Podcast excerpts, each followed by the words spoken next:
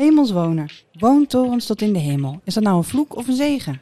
Want hoe hemels is het nou om te wonen op de 20ste verdieping of op de 50ste? En wat betekent hoogbouw voor de stad en het straatleven? Deze vragen leggen we in deze eerste aflevering voor aan architecten Diederik Dam en Irma van Oort. Nou, welkom allemaal. Dit is eh, de allereerste aflevering van onze nieuwe podcastreeks Hemels Wonen. Ik ben Merel Pitt, hoofdredacteur van De Architect. En samen met journalist Tracy Metz maak ik deze podcast. In drie afleveringen proberen we ehm, ja, de belangrijkste vragen over hoogbouwen te beantwoorden. Het hoogst dat ik heb gewoond is op de vierde verdieping van een gebouw van vijf verdiepingen. Ik ben geen ervaringsdeskundige dus. Jij, Tracy? De vierde? Nou, ik weet niet eens of ik dat heb gehaald. Nee, totaal niet. Ik ben geen ervaringsdeskundige. Misschien hebben we eigenlijk helemaal geen recht van spreken. Dat vraag ik me dus ook af. Dus ik ben ook benieuwd, hè, de architecten die uh, vandaag uh, spreken, of die recht van spreken hebben vanuit eigen ervaring. Maar daar gaan we achter komen. Dat gaan we te vragen. Ja. En uh, vandaag gaan we het hebben over hoe maak je nou goede hoogbouw. Hoogbouw bestaat in Nederland toch eigenlijk helemaal niet zo lang. Pas aan het eind vorige eeuw begonnen we in Nederland woontorens te maken boven de 70 meter. Ik vraag me af, hebben onze architecten aan tafel al bepaalde lessons learned? Ik ben benieuwd wat ze daarover te zeggen hebben. Wie uh, hebben aan tafel, Tracy? Ja, wie zijn die gasten eigenlijk? Nou, je noemde ze al even kort. Diederik Dam. Welkom, Hallo. Diederik. Hoi. Hallo. Hoi.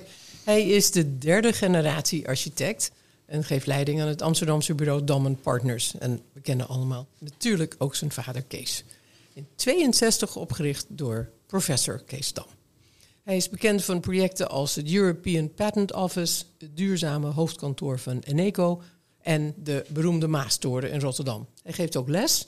En zijn nieuwste hoogtepunt, letterlijk, is de hoogste toren van Nederland, zelfs van de Benelux, de Salmhaven-toren in Rotterdam. 215 meter. Wauw. Wauw, man. Hoe hoog? Ben je trots? Ja, natuurlijk. Goed zo. Hartstikke mooi. Ga je me zo vertellen. Irma is ook bij ons. Irma van Oort werkt bij KCAP waar ze de internationale uitbreiding van het bureau vorm gaf. En dat bureau is intussen werkzaam over de hele wereld volgens mij. Ze richt zich op duurzame fysieke en sociale leefomgevingen, juist bij hoogbouw. Ze is betrokken geweest bij het hoogbouwensemble Mark in Utrecht, bij het Holland Spoorkwartier in Den Haag, het HS-kwartier, Zuiderzicht in Antwerpen en het Wijnhaven-eiland in Rotterdam. Diederik, waar woon je zelf? Ik woon zelf in de buurt van Haarlem, zeg ik altijd heel cryptisch, bij de zee, in een eensgezinshuis. Dus niet in hoogbouw? Nee, en toen de, het hoogste punt, geloof ik, of ik weet niet wat het was, bij de Zalmhaventoren was, toen kreeg ik ook van het NOS-journaal de evidente vraag, zou je zelf uh, willen wonen? En toen voelde ik me natuurlijk een beetje uh, uh, op het, op, voor het blok gezet.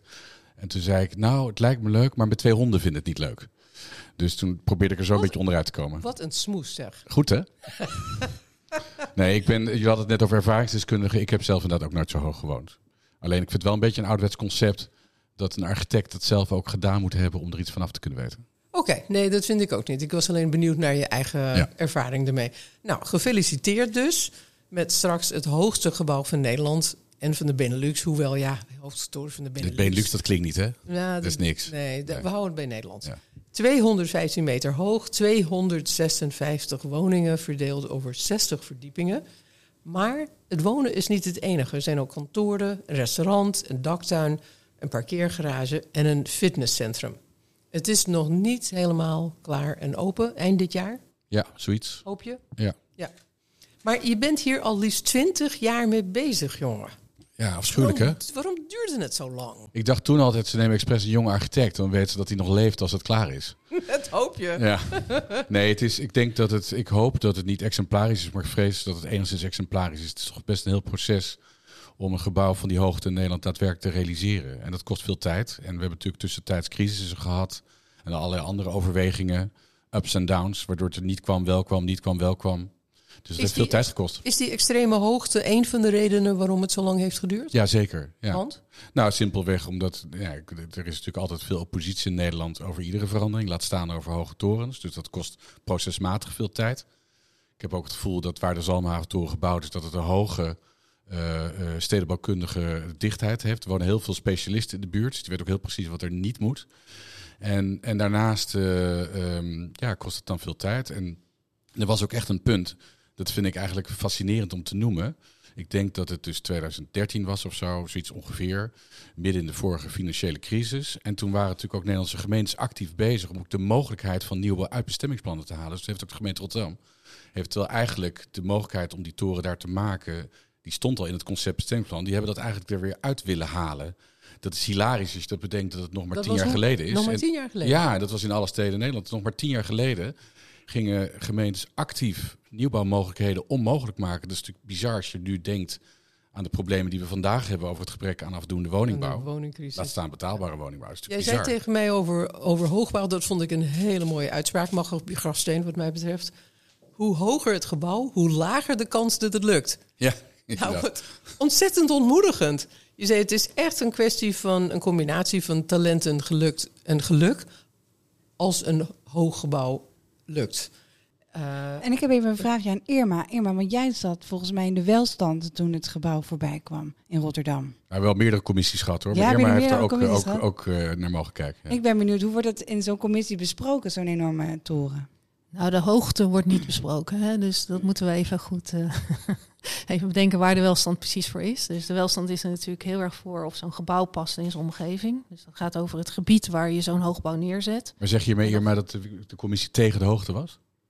Nee, nee, nee, juist, het ging juist niet over de hoogte. ja. Dat was Nee, niet dus- ter discussie. nee. Niet ter discussie. Nee, Hè? De welstand gaat niet over hoogte, maar de welstand gaat wel over, over inpassing, hoe het in de straat staat, hoe het op de grond staat eigenlijk en hoe het aansluit bij het maaiveld. Of er mooie programma's aan de straat zitten, of het een leefbare straat wordt hè, met veel ja, glas en transparantie, zodat je erin kan kijken. En waren je- jullie enthousiast over de Zalmhaventoren, weet je dat nog? nou ja, er was al heel veel enthousiasme over. Want ja, het is de hoogste toren van Rotterdam natuurlijk. Dus iedereen was helemaal gespand eigenlijk over, eh, over ja, dat het er ging komen. Ik denk dat het ook een hele moeilijke eh, job was eigenlijk. Omdat nog nooit iemand in Nederland zoiets had gedaan. Ik, ik Dus zal even, ik zal even Irma helpen, want het is wel een, een interessant verhaal. Dat er waren natuurlijk commissies allemaal voor Irma die er naar keken. Het was ook al eerder goedgekeurd, toen ging het toch weer door, toch weer terug. En toen is er een fase geweest en toen zat Irma ook in de commissie. En dat is eigenlijk een bizar verhaal, maar wel redelijk publiek eh, bekend. Dus ik denk dat ik het wel in deze podcast mag herhalen. Dat eh, we hadden op een gegeven moment het goede nieuws dat de bouw doorging. Hè, dus eh, de opdrachtgever was fantastisch nieuws. We gaan het ding bouwen. Nou, hoera! Eén detail, Diederik. Voor die top van die toren hebben we eigenlijk maximaal zoveel geld staan. En zoals hij hem bedacht en vergund is, mag je hem niet maken. En de top is dan... En toen is de bouw al begonnen. Toen was de bouw al begonnen. En toen, ja, only in the Netherlands, zeg ik dan maar. En toen is er eigenlijk ons gevraagd om een nieuwe top van de toren te ontwerpen, terwijl de bouw al bezig was. En nou, toen is er snel verteld een soort klucht ontstaan met een soort heen en weer kwartetten. Waarbij ook tussenvarianten eigenlijk die binnen budget passen ook aan de commissie aan de Irma zijn voorgelegd. Die zijn godzijdank afgewezen. En, eh, en vervolgens eigenlijk, nou ja, is er... Ik weet nog dat je heel meer- kwaad was in de commissievergadering. Ja, ik Dat was echt kwaad. wel, eh, dat was echt wel een goede show, denk ik, die je Ja. opgevoerd hebt.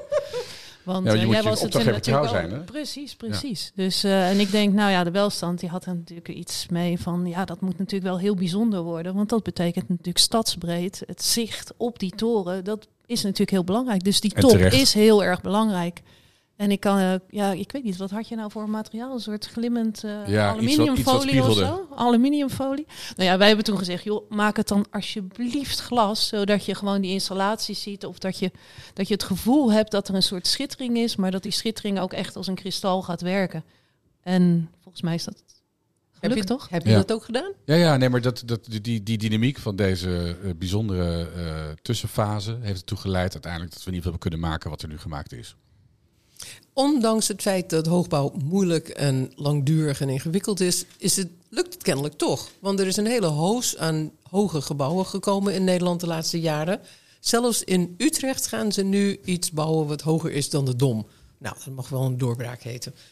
Ehm, maar het zou kunnen dat er nu weer een eind komt aan die korte hoos aan wolkenkrabbers. Want eh, materialen zijn onbetaalbaar, aannemers zijn niet te vinden, ze durven het risico niet aan. Hoe gaan we hierna verder? Ja, ik denk ook dat zelfs hoos eigenlijk ook al een beetje relatief is. Het is meer dat eh, we hebben natuurlijk geen hoogbouwtraditie in Nederland. En eh, het is iets wat, wat lang laat op gang is gekomen. Nou, daar kan je ook lang over discussiëren in, die, in hoeverre hoogbouw bij Nederland past. Zeker bij historische steden. Ehm, maar gaandeweg, door de logische wens van verdichting in de steden, is natuurlijk dan hoogbouw een mogelijkheid, een optie. Dus er wordt naar steeds hoger gekeken. Maar dat gaat heel traag en moeizaam in Nederland. Zelfs al op beleidsgebied. Hè. Er zijn natuurlijk relatief weinig gemeentes die, zoals de gemeente Rotterdam, uh, überhaupt goed beleid hebben. Laat staan al lang, langer beleid wat er langer staat. Hè. Dus het is allemaal echt nog steeds wel een beetje, vind ik, in een soort oefenfase. We zijn het wiel nog aan het uitvinden. Ja, en, en je moet zo zien dat ik juich hoe hoe meer goede projecten, hoe beter in zijn algemeen natuurlijk. Maar je moet wel ook naar hoogbouw kijken. Eerst zien dan geloven. Hè. Het is niet voor niks dat ook die Zalmhaven zo lang heeft geduurd.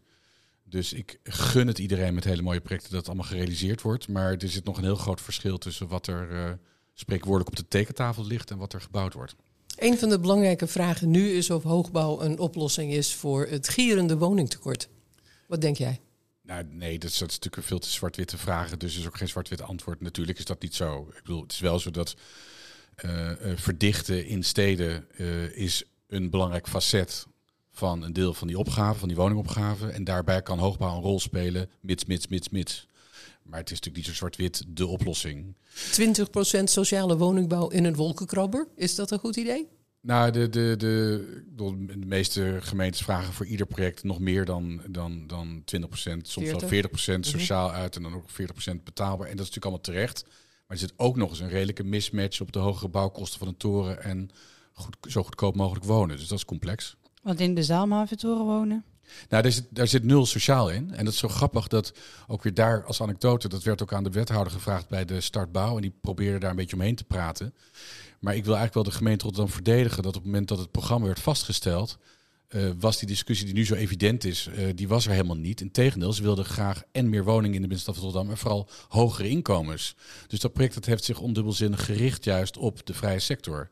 En heeft ook geprobeerd om kwaliteit te maken op woningniveau, om dat aantrekkelijk te maken. En Heb je het gevoel dat je nu verweten wordt? Nee, dat niet. Maar het is meer met dat je hebt veel woorden tegenwoordig nodig om dat uit te leggen. Want je, je deugt bijna niet als er geen sociale woningbouw in zit. En dat is natuurlijk een beetje onzin. Dus jij zegt, hou de hoogbouw gewoon uh, uh, duurdere woningen, want hoogbouw is duur. En ga je sociale en je betaalbare middensegment elders doen? Nou, het is evident dat voor de woningopgave in Nederland, dat weet ik van 80%, 90% moet betaalbaar zijn. Dus dat betwist ik niet. Alleen kijk meer als het gaat over hoe je ze realiseert op gebiedsniveau dan alleen maar op projectniveau. En dat maakt het mogelijk om ook goede hoogbouw te realiseren met sociale woningbouw er misschien gedeeltelijk in. Of anders in de nabijheid, waarop je op gebiedsniveau toch die doelstellingen kan halen. Hoe kijk jij hiernaar, Irma? Nou, ik denk, ja, het is, het is, het is waar, zeg maar, om het op gebiedsniveau uh, te bekijken. Altijd goed om verder te kijken dan alleen het gebouw zelf. Maar aan de andere kant, ik denk dat als je een goede mix van woningen maakt in een gebouw, dan moet je ook in staat zijn, zeg maar, om die sociale woningbouw te realiseren met dan een beetje geld van de duurdere woningen om een beetje te mixen. Dus ik denk dat dat belangrijk is. Maar hoogbouw is heel lastig. Hè? Want dat geeft ook bijvoorbeeld allerlei aspecten als wind, uh, die op de begane grond, uh, die, die natuurlijk opgelost moet worden. Dus hogere gebouwen geven ook weer andere lasten op het openbaar gebied. Maar dat heeft niks te maken met uh, betaalbaarheid? Dat heeft niks te maken met betaalbaarheid, maar het ging even over de vraag of hoogbouw een oplossing zou zijn voor... dat was toch ook de vraag? Dat was de vraag, denk ik. Voor de, woningtekort. Voor de woningtekort. Dus dat is niet makkelijk oplosbaar. Dat was een beetje mijn uh, punt. Uh, het andere aspecten. En voor hoogbouw heb je ook heel veel ruimte nodig. Dat wordt vaak vergeten. Hoogbouw lijkt alsof het een kleinere uh, plot nodig heeft.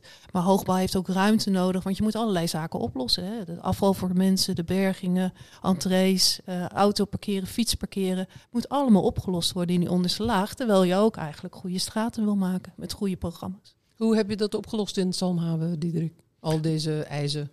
Nou, uh, dankzij het feit eigenlijk dat het project niet op zichzelf staat, maar dat uh, Kaan-architect Kees Kaan daarnaast ook een heel groot woningbouwproject heeft gedaan, waarin dan weer ingesloten in de buik zeg maar, van het project alle parkeerplaatsen zitten, waardoor er geen parkeerplaatsen zichtbaar zijn vanaf de straat. Dus dankzij dat, dat zusjesproject uh, kon dat goed opgelost worden. Nou, leuk. We gaan uh, met Caro van de Venne praten over hun twee uh, hoogbouwtorens naast elkaar, ook in de Wijnhaven. Dus ja. Interessant, ook een zusjesproject. Ja. Ja, ja. Ik was benieuwd. Uh, het is je gelukt om een openbare functie op de, helemaal op de top van de Toren te krijgen. Een restaurant en een bar. Meestal lukt dat niet, want dat vereist een eigen lift en dat gaat ten koste van lucratieve vierkante meters. Hoe is het jou wel gelukt? Uh, volhouden En eh, met de hulp van de opdrachtgever. En eh, slim doen met timing, denk ik. Eh, en ook je prioriteiten stellen. Ik vind, bedoel, eh, ik, ik vind zelf dat er een misconceptie is ook over eh, de relatie kwaliteit en hoogbouw. In die zin dat we de sterkte neiging hebben in Nederland om eigenlijk snel, omdat we het zo spannend vinden om zo hoog te bouwen, eigenlijk alleen maar kijken hoe we een iconisch beeld kunnen maken. Terwijl juist al dit soort facetten eh, eerder eigenlijk eh, tot kwaliteit leiden, mijns inzien, eigenlijk dan alleen maar die, die esthetiek van, van die vormen, dat gebouw op zichzelf. Dus, het, dus we vonden, hè, de opdrachtgever en wij gezamenlijk, vonden dus die, die, die functie bovenin super belangrijk. En die heeft natuurlijk onderweg heel vaak onder vuur gelegen, hoor, in alle eerlijkheid. Maar op een moment suprême kon het. En nog een technisch geinig eh, detail daarbij is, is dat naarmate de toren hoger wordt, wordt het met liften makkelijker eigenlijk om te organiseren. Omdat door de hoogte de liften meer snelheid kunnen maken. En daardoor krijg je meer profijt eigenlijk van die snelheid van die liften. Dus dan heb je eigenlijk een minder grote druk op het aantal liften door die functie, als je me kan volgen. Ik kan het volgen, maar hij is niet daarmee goedkoper. Nee, nee, maar ik bedoel meer te zeggen dat ehm, als je een gebouw maakt wat half zo hoog is, dan kunnen die liften niet op snelheid komen. En dan heb je relatief meer liften nodig als je dan boven een restaurant wil maken. Hoe snel ben je naar bovenin? Poeh, dat gaat heel snel. Blijf je maag achter? Nee, dat valt reuze mee.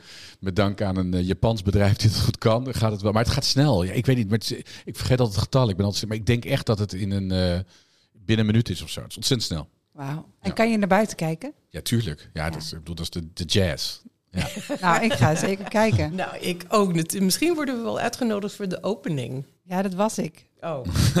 Misschien word ik uitgenodigd voor We gaan er gewoon zeker nog naartoe als het, als het café op is. Dan gaan we daar gewoon een eh, glas wijn drinken. Ja, zeker. Ja, Ja. hartstikke leuk. Jij vertelde mij wel, Diederik, in ons voorgesprek... Dat, daar had ik nooit bij stilgestaan... dat volgens jou de hoge torens voor veel architecten... helemaal niet hun beste werk zijn. Nee, nee nou ja, dat, dat is natuurlijk een beetje een subjectief eh, eh, eh, observatie, maar ik vind dat echt. En dat heeft gewoon te, intrinsiek te maken eigenlijk eh, met eh, eh, het soort opgave dat hoogbouw is.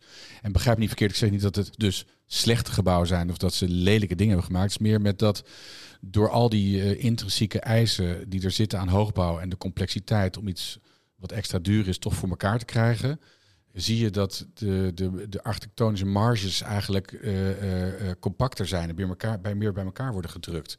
En dat zie je terug in oeuvres. Er zijn er gelukkig uitzonderingen op. Ja, de Gherkin in Londen bijvoorbeeld. Exact, Foster. die noemen het wel zo'n voorbeeld. Hè, maar, maar toch zelfs in de breedte, bijvoorbeeld een Foster, zie je dat. En, en het wordt pas echt anders op het moment dat je naar Dubai gaat en er een een of andere rare sheik denkt van nou, doe mij maar een, een troelala hoelala toren of zo. De, de, de- maar dat slaat natuurlijk nergens op. Dat heeft nog in architectonische, nog in stedenbouwkundige zin enige vorm van betekenis. Zo moeten we deze podcast noemen, Merel. Niet hemels wonen, maar troelala-torens. Troelala, torens. Ik vond het interessant om te zien dat jij en Irma elkaar echt vinden in de nadruk die je legt op eh, het belang van hoe zo'n hooggebouw landt. Wat het doet met de straat, het straatleven. Ehm, de bredere stedelijke context. En dat is natuurlijk iets waar een gemeente zich mee bezig moet houden. Een welstandscommissie, een stedenbouwkundig bureau zoals eh, KCAP. Ik herinner me medio jaren 80 was het geloof ik enorme verontwaardiging in Amsterdam toen er een hoge toren voor Philips zou worden gebouwd bij het Amstelstation. En nu De Rembrandt-toren. ja, Rembrandt-toren. En intussen is dat gewoon een hele bekende eh, cluster van hoogbouw... die eigenlijk een landmark is in eh, het eh, ehm, skyline van Amsterdam. Ehm, als we nu naar jou overgaan, Irma en Merel... ehm, misschien kun je ook dit adresseren... dat hoe je zo'n hooggebouw, dat eigenlijk gewoon een eenzame toeter is... een soort solitair object...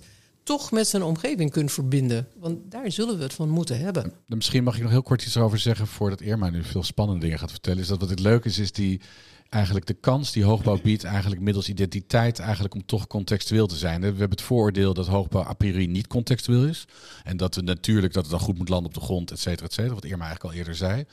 Maar het, aar- het aardige van, van, van hoogbouw in een stad is dat het enorme bijdrage kan leveren eigenlijk aan identiteit. En, op en daarmee eigenlijk impliciet ook eigenlijk aan context. En zo proberen wij in ieder geval ook torens eigenlijk ook toch wel vorm te geven eh, op een manier die hoort bij hun plek. Zodat op grotere afstand dat ze eigenlijk toch impliciet ook in het onderbewustzijn van mensen zich toch verwijzen naar de plek waar ze staan. En ik denk dat dat ook echt een kans is van hoogbouw. En eh, voordat we naar Irma gaan, ik vond je aankondiging fantastisch, maar ik heb nog wel één vraag aan Diederik. Want ehm, in 2006 begon je met het ontwerpen aan deze toren? Eh, ja, nog eerder denk ik. Nog eerder. Dus veel kennis eh, opgedaan, neem ik aan. Wat zou je anders doen als je nou weer deze opgave zou krijgen?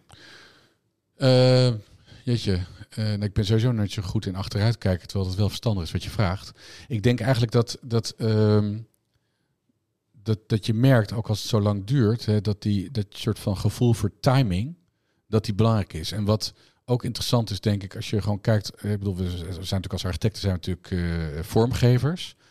En een, een interessant dilemma is eigenlijk als je aan zo lang iets werkt, dat je eigen ehm, skills, die ontwikkelen zich natuurlijk onderweg. Natuurlijk. Terwijl je toch ook dan te maken hebt eigenlijk met iets wat je meedraagt, eigenlijk waar je eerder aan begonnen bent. En hoe je dat moet plooien in de tijd. Eh, ik denk dat dat, nou, dat vond ik wel ingewikkeld. En dat zou ik de volgende keer wel nog meer aandacht voor willen geven.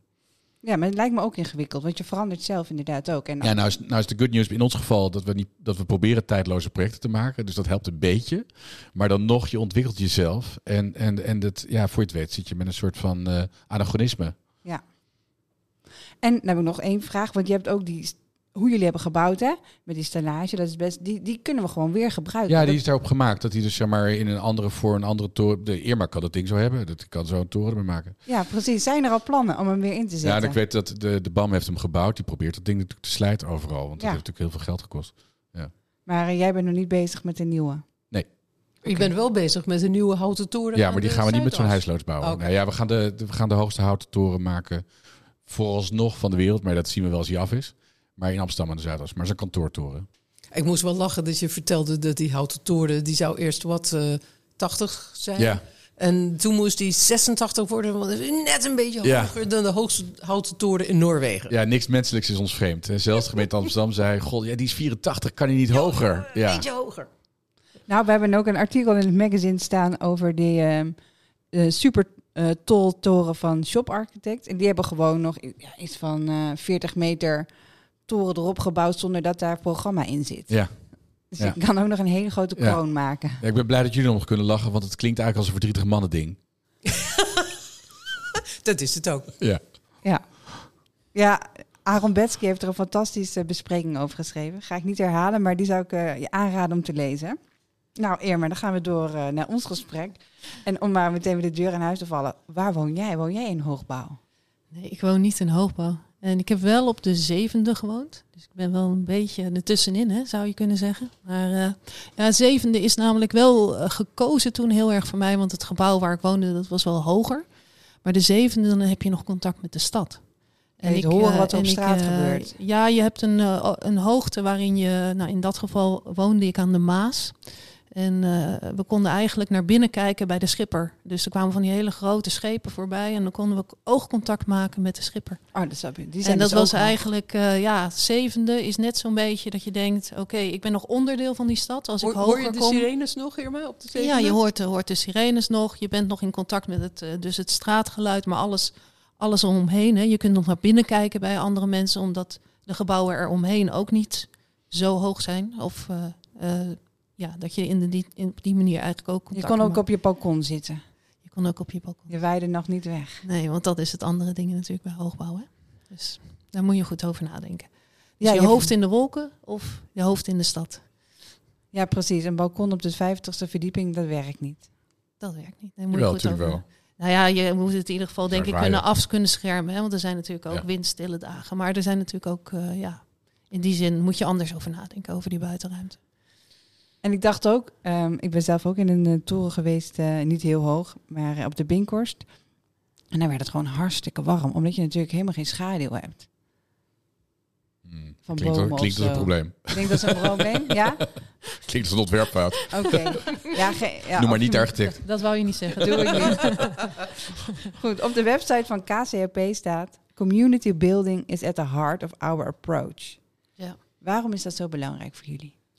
Ja, wij zeggen eigenlijk dat wij leefomgevingen maken. Dus wij zijn ook, eh, nou, Tracy zei, we zijn stedenbouwkundigen. Natuurlijk zijn we stedenbouwkundigen, maar we zijn ook architect en landschapsarchitect.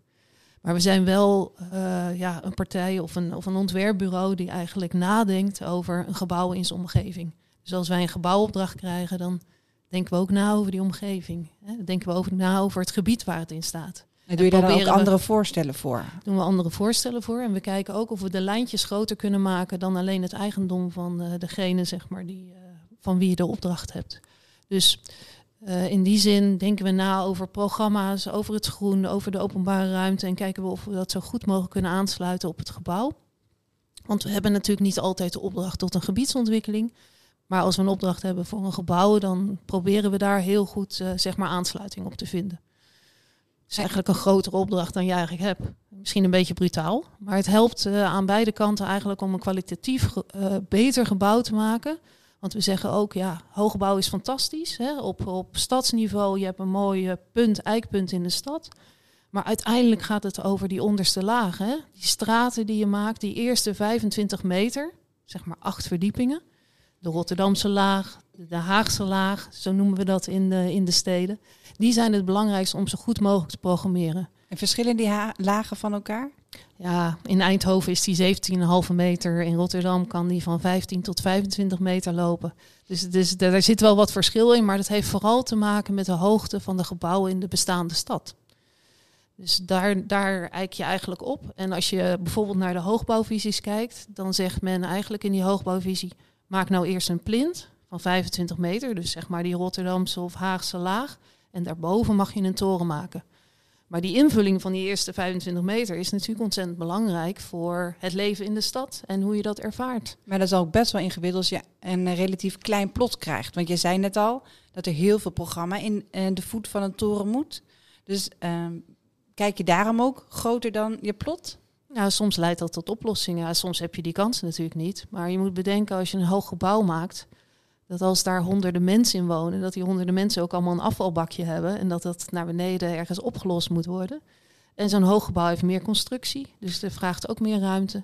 Dus je hebt allerlei aspecten die heel erg zwaar drukken, zeg maar, op die onderste lagen op het moment dat je een hoog gebouw maakt. En eh, ja, in die zin, hoogbouw heeft ruimte nodig. En Ja. ik zeg altijd, ja, op het moment dat je zoveel programma op één klein stukje van de stad maakt, moet je ook zorgen dat het gebouw iets teruggeeft aan zijn omgeving.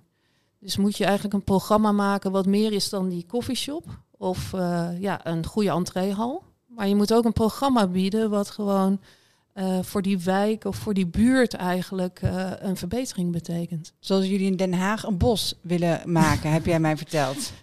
Nou, als je het over Den Haag wil eh, hebben, we hebben daar eh, toen de Eyeline Skyline, de hoogbouwvisie, eh, werd gepromoot, of eigenlijk nog net niet. Toen hebben we samen met de gemeente gewerkt aan een gebiedsvisie voor Den Haag Hollandspoor. En we hebben die hoogbouwvisie toen getest. want daar stond eigenlijk al best wel veel. Hè. We hebben het station, we hebben het station Postgebouw, een rijksmonument. we hebben het hogeschool, een soort campus. Strijkijzer. En we hebben heel veel auto's daar en heel weinig groen. Dus daar hebben we eigenlijk getest hoe die hoogbouwvisie tot meer kon leiden. En wat daar uitgekomen was, is dat we in die eerste 25 meter, waar die hoge gebouwen op kwamen te staan, dus die nieuwbouw, is dat we daar heel veel groen op hebben gelegd. Dus we hebben eigenlijk een getrapte vorm gemaakt van die 25 meter. En zo eigenlijk de straat breder gemaakt. Want het groen, wat we natuurlijk ook projecteerden op de straat, hebben we ook op die getrapte vorm gelegd. Nou, en de opdrachtgever die had daarmee het idee van... wij gaan een bos maken in de stad. Nou, dus dat, eh, nou, dat is de ambitie voor Den Haag Hollandspoor. En nou ja, we hopen dat dat natuurlijk... eh, Ja, we werken daar nog steeds aan. Op Twitter is Ira Koers soms best wel eh, kritisch op al die groenige renders. Dan zegt ze Peter Celi architectuur noemt ze het geloof ik.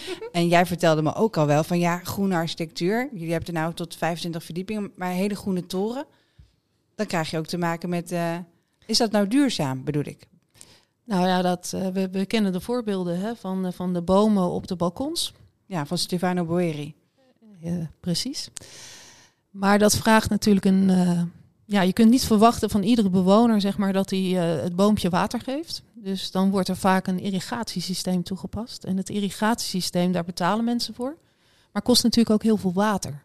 Nou, water, ja, dat moet je wel omhoog brengen dan op al die balkons om te irrigeren. En het kost natuurlijk heel veel in de servicekosten voor de mensen. Dus we hebben eerder ook aan projecten gewerkt van eh, degene die in Milaan zeg maar de eerste Boeri gemaakt had. En die zei tegen ons, nee, jullie mogen dat niet maken. Want eh, dat kost 800 euro aan servicekosten per maand voor de bewoners. Alleen al om het water te geven, om dat automatisch water te geven.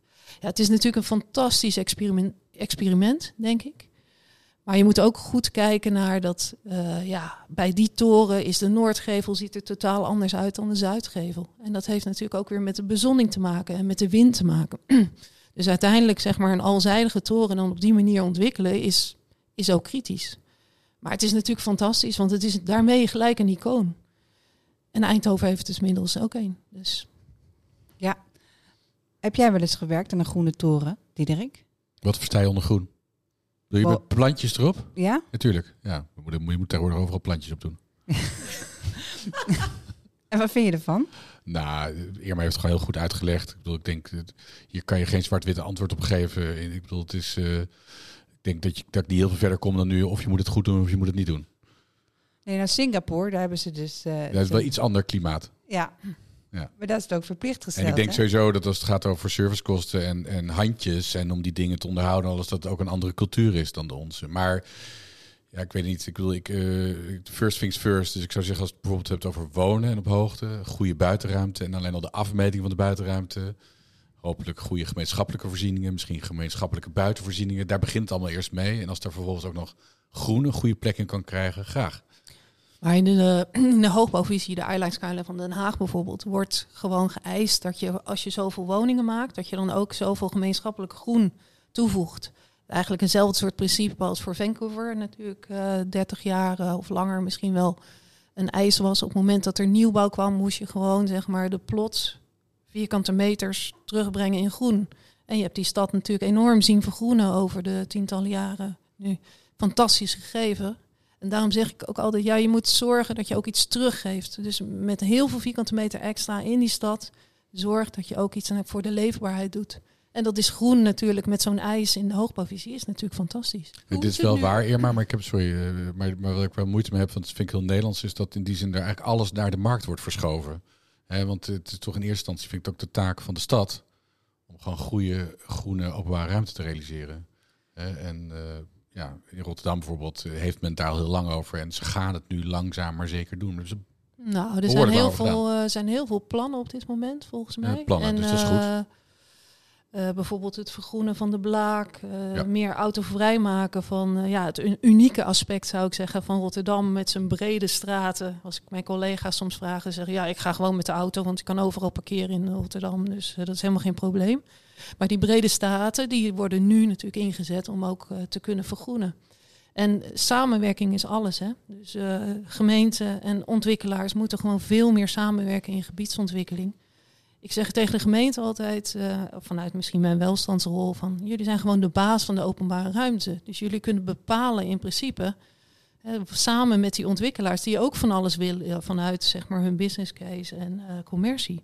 Is jullie kunnen samen veel meer bereiken. En eh, samen kun je dat eh, programma en het groen en de openbare ruimte versterken van het gebouw en, eh, en de ruimte eromheen. Vanuit gebiedsontwikkelingniveau bekeken, wat zijn er in jouw optiek goede punten om hoogbouw te bouwen?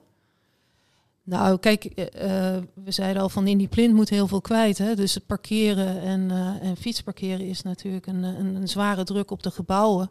En daarom is het gewoon heel slim om op eh, OV-knooppunten, om zoveel mogelijk daar de hoogbouw te centreren. En nou ja, dat is ook wat Amsterdam bijvoorbeeld doet. Eigenlijk rond de ring mag er verdichting plaatsvinden. En de stad blijft de stad zoveel mogelijk. Eh, maar als je die knooppunten, zeg maar, dan heb je natuurlijk het, het openbaar vervoer en eh, mogelijk zeg maar, de druk op het parkeren heb je ontlast. En kun je projecten maken zonder gebouwd parkeren. Eh, wel met een zwaardere druk op het fietsen en, en, en nou, alles wat erbij komt, hè, elektrische motors en, en eh, zelfs eh, eh, kinderfietsen. Dus, dus in die zin, Met van die enorme bakken voorop. ja, bakfietsen bedoel ik. Ik heb begrepen, Irma, dat rond eh, van die eh, torens die gepland staan in het HS-kwartier in Den Haag, dat een aantal wellicht niet doorgaan eh, vanwege de onbetaalbare bouwmaterialen, bouwkosten, leveringsproblemen. Is dat zo? Nou, ik denk dat dat eh, landelijk speelt, hè, die bouwkosten, dat dat een enorm probleem is. Dus aan de ene kant heb je maar enkele aannemers die eh, boven de 70 meter eh, kunnen bouwen, die expertise ook hebben en het, en het risico gewoon aan. Ja, daar heeft Diederik ook een mening over. En die bouwkosten, ja, dat, dat is iets wat de markt, ja, waar we mee te maken hebben. Maar nu Dus, over HS? nou, HS heeft daar dus ook mee te maken. En bij hoogbouw heb je natuurlijk het probleem dat het lastig faseren is. Want je moet het ineens bouwen. Dus dat is ineens een heleboel. Je kan niet de eh, helft even kan bouwen. niet de helft doen en dan nog eens keer de helft. Gaan er een aantal niet door? Dus eh, nou ja, ik, eh, ik, bij ons gaat het nog steeds door. Dus ons, onze toren is zeg maar rondom HS kwartier. En ja, over de andere projecten kan ik niet zo heel veel zeggen. Maar ik weet natuurlijk dat er heel veel in ontwikkeling is. En je moet En natuurlijk het, wel eh, een ja, bezuinigingsronde doormaken, denk ik. Ja, en dat, dat, dat kan natuurlijk, ja, tot op zekere hoogte kan dat natuurlijk. Maar Ja. op een gegeven moment eh, houdt het op. Ja, dat Dus, kan ik me eh, heel goed voorstellen. Want dan vraag ik me dan soms af. Hè. Daan Roggeveen heeft ook een essay geschreven. En hij zegt, ja, het is zo belangrijk. Maak het mooi. Maar dan denk ik, ja, lukt dat eigenlijk nog wel? Want er zijn ook weinig buitenlandse bouwers die in Nederland willen bouwen. Omdat we wel zo bizar goedkoop bouwen. Maken we het nog mooi? Ja, ik denk eh, met goede ontwerpers en goede architecten ben je altijd in staat om, eh, om een mooi gebouw te maken. Eh, ik denk niet dat het aan de, aan de prijs zeg maar, van, de, van de gevel dat het daar, daaraan gaat liggen. Het, het, hele totale project, dat is gewoon op dit moment zeg maar, qua bouwkosten een probleem. En ja, net zolang het geduurd heeft voordat de Zalmtoren er was, dat heeft ook verschillende nou, crisissen misschien overleefd en wel of niet doorgaan. Ja, met hoogbouw zijn die risico's zo groot. Is dat misschien over een half jaar gaan ze misschien weer wel door, omdat de bouwprijzen weer aantrekken. Dus ja, je kunt niet zeggen dat, dat de architecten dan, eh, dan lelijke torens gaan maken. Maar eh, vanwege, ik denk niet dat het aan ligt. Nee? Denk jij ook niet, Diederik? Nou, je hebt helemaal gelijk dat er gewoon veel spanning op zit. eh, op dat het feit dat we al goedkoop bouwen in Nederland en dat een hoogbouw nog eens duurder is. En dat daar hetzelfde soort eh, woningen moeten met dezelfde opbrengsten. Dat, dat gaat natuurlijk niet zomaar goed. Maar dat ga- gaat altijd niet goed. Hè. Het is niet opeens nu, afgelopen jaar niet. Dat is gewoon al 20 jaar een probleem. Ja, blijft een Excel-architectuur. Maar je zei wel dat aannemers risicomijdender zijn geworden. Ja, dat is veel erger geworden. Hè? Dus dat de animo eh, voor aannemers om hoog te bouwen is hard achteruit gelopen de afgelopen tien jaar. En ik vind het echt waanzin. Ik bedoel, eh, je zou toch zeggen dat als je een aannemer bent, dat je lol is dat je gaat bouwen. En hoe cool is het dan om hoger te bouwen? Het is een beetje de categorie, you can't stand the heat of the oven, stay out of the kitchen. Ik bedoel, ga dan iets anders doen. Ik vind het echt belachelijk. Ja, dan moet je gewoon zelf je aannemingspraktijk Nou, oprichten. nou, d- we hebben een collega die dat doet of ambieert. Ik ben niet zo moedig als hij, dus eh, ik, eh, ik ga geen, bouwer, eh, geen bouwbedrijf beginnen. Oké, helder. Ehm, we hebben ook een artikel geschreven over Den Haag en ook met verschillende mensen daarbinnen gesproken. Bij de gemeente hebben ze het nu over het Little C-effect. Ze vinden het eh, mooi eh, om te zien dat eh, je toch op relatief hoge dichtheid kan bouwen en dat daar mensen ook heel blij zijn. Ehm, het kan ook veel sneller, hè, zo'n project. Ja, het is faseerbaar. Daar, daar begint het natuurlijk al mee. Maar ja, het is natuurlijk ook... eh Little C is, is niet zo hoog. Maar wat daar natuurlijk interessant aan is... is de verbindingen die ze maken op hogere lagen... dan eigenlijk alleen het begaande grondniveau. En dat is eigenlijk toch ook iets wat, ik, wat wij zeg maar in ons ontwerp van Den Haag ook eh, zoeken... is dat je in die eerste 25 meter, dus in die eerste acht lagen... Little C hebben we het ook over zoiets, hè? eh, is dat je daar meer verbindingen maakt tussen de verdiepingen. En ook meer de verdiepingen met elkaar zeg maar, iets laat doen. Dus daar zijn allerlei brugverbindingen. Dus, eh, zodat je minder liften nodig hebt. Ehm, dus ik denk dat, dat de openbare ruimte verder zien dan alleen zeg maar, de straten. Dus die ook met de gebouwen mee laten doen. En daar meer verbindingen tussen leggen. Dat ze Little C ook doet. Eh, dat je daar eh, kansen mee creëert om het en te vergroenen en leefbaarder te maken. En Irma, maar- als je kijkt naar een project als eh eh Borneo Sporenburg. De, er was, daar was West 8 eh, de supervisor van. En dat was echt een zeer bewuste poging om een grote dichtheid, eh, maar niet in hoogbouw, dicht tegen de stad aan te bouwen. Hoe kijk je daar tegenaan? Is dat een alternatief? Nou, dat is eh, zeker een alternatief. Maar wat, wat dat plan heeft, dat heeft een heleboel vierlaagse hoogte eh, rijwoningen, zou je kunnen zeggen. Eh, die later nog verdicht zijn, omdat eigenlijk de doelgroep, men had nooit gedacht dat daar families gingen wonen. Maar dat daar meer starters en tweeverdieners gingen wonen. Er gingen wel families wonen. En die hadden eigenlijk veel meer ruimte nodig. Dus die gingen verdichten. Dus die vier lagen die zijn in de loop der tijd eigenlijk ook nog eens verdicht. Maar in dat plan zijn natuurlijk op bepaalde punten wel hele grote gebouwen gemaakt. Hij noemde ze de motherfuckers uh, in het geheel. ik heb zelf twintig jaar aan Fountainhead gewerkt. Waarna Diederik na twintig jaar uh, het gebouw heeft neergezet. Op een, in een andere vorm. Uh, maar dat was eigenlijk een van die hele grote gebouwen. Dus wat Adriaan daar heeft gedaan, was eigenlijk de verdichting zoeken op een andere plek. Dus op bepaalde plekken verdichten en op bepaalde plekken eigenlijk uh, laagbouw zoeken. Wat ik, wat ik wel even wil toevoegen, eigenlijk, want Irma zegt, want jullie begonnen eerst over Little C en nu over Eiburg, is dat eigenlijk altijd wordt erover gediscussieerd vanuit een tegenstelling met hoogbouw. Maar zo moet je er niet naar kijken. Het is gewoon anders. Weet je, uh, het is niet het ene goed en het ander fout. Dat is veel te zwart-wit. Uh, verschillende plekken, verschillende oplossingen. En hoogbouw kan ook een goede oplossing zijn. En hoeft niet een goede oplossing te zijn. Ik heb tot vermoeiens aan toe heb ik, werd ik al honderd keer nu in discussieprogramma's gezeten. Wordt altijd wordt tegenover shoot shooters gezet die altijd uitleggen dat de enige stad de 17e, 18e eeuwse stad is. En dan vragen ze mij of ik wil uitleggen waarom de enige stad is. De stad is met torens. Dat is natuurlijk allebei onzin. Bravo, zo is het. Allemaal onzin. Maar en wat is de toekomst van hoogbouw in Nederland nu? Wat, uh, wat is jouw ideaalbeeld, Irma? Um, concentreren zoveel mogelijk op OV-knooppunten als je hoger wil gaan. En um, zoveel mogelijk dus zoeken naar goede plekken waar hoogbouw zou moeten staan in de stad. En waar je op uh, andere manieren kan verdichten, verdicht je op andere manieren. Dankjewel. En uh, Diederik?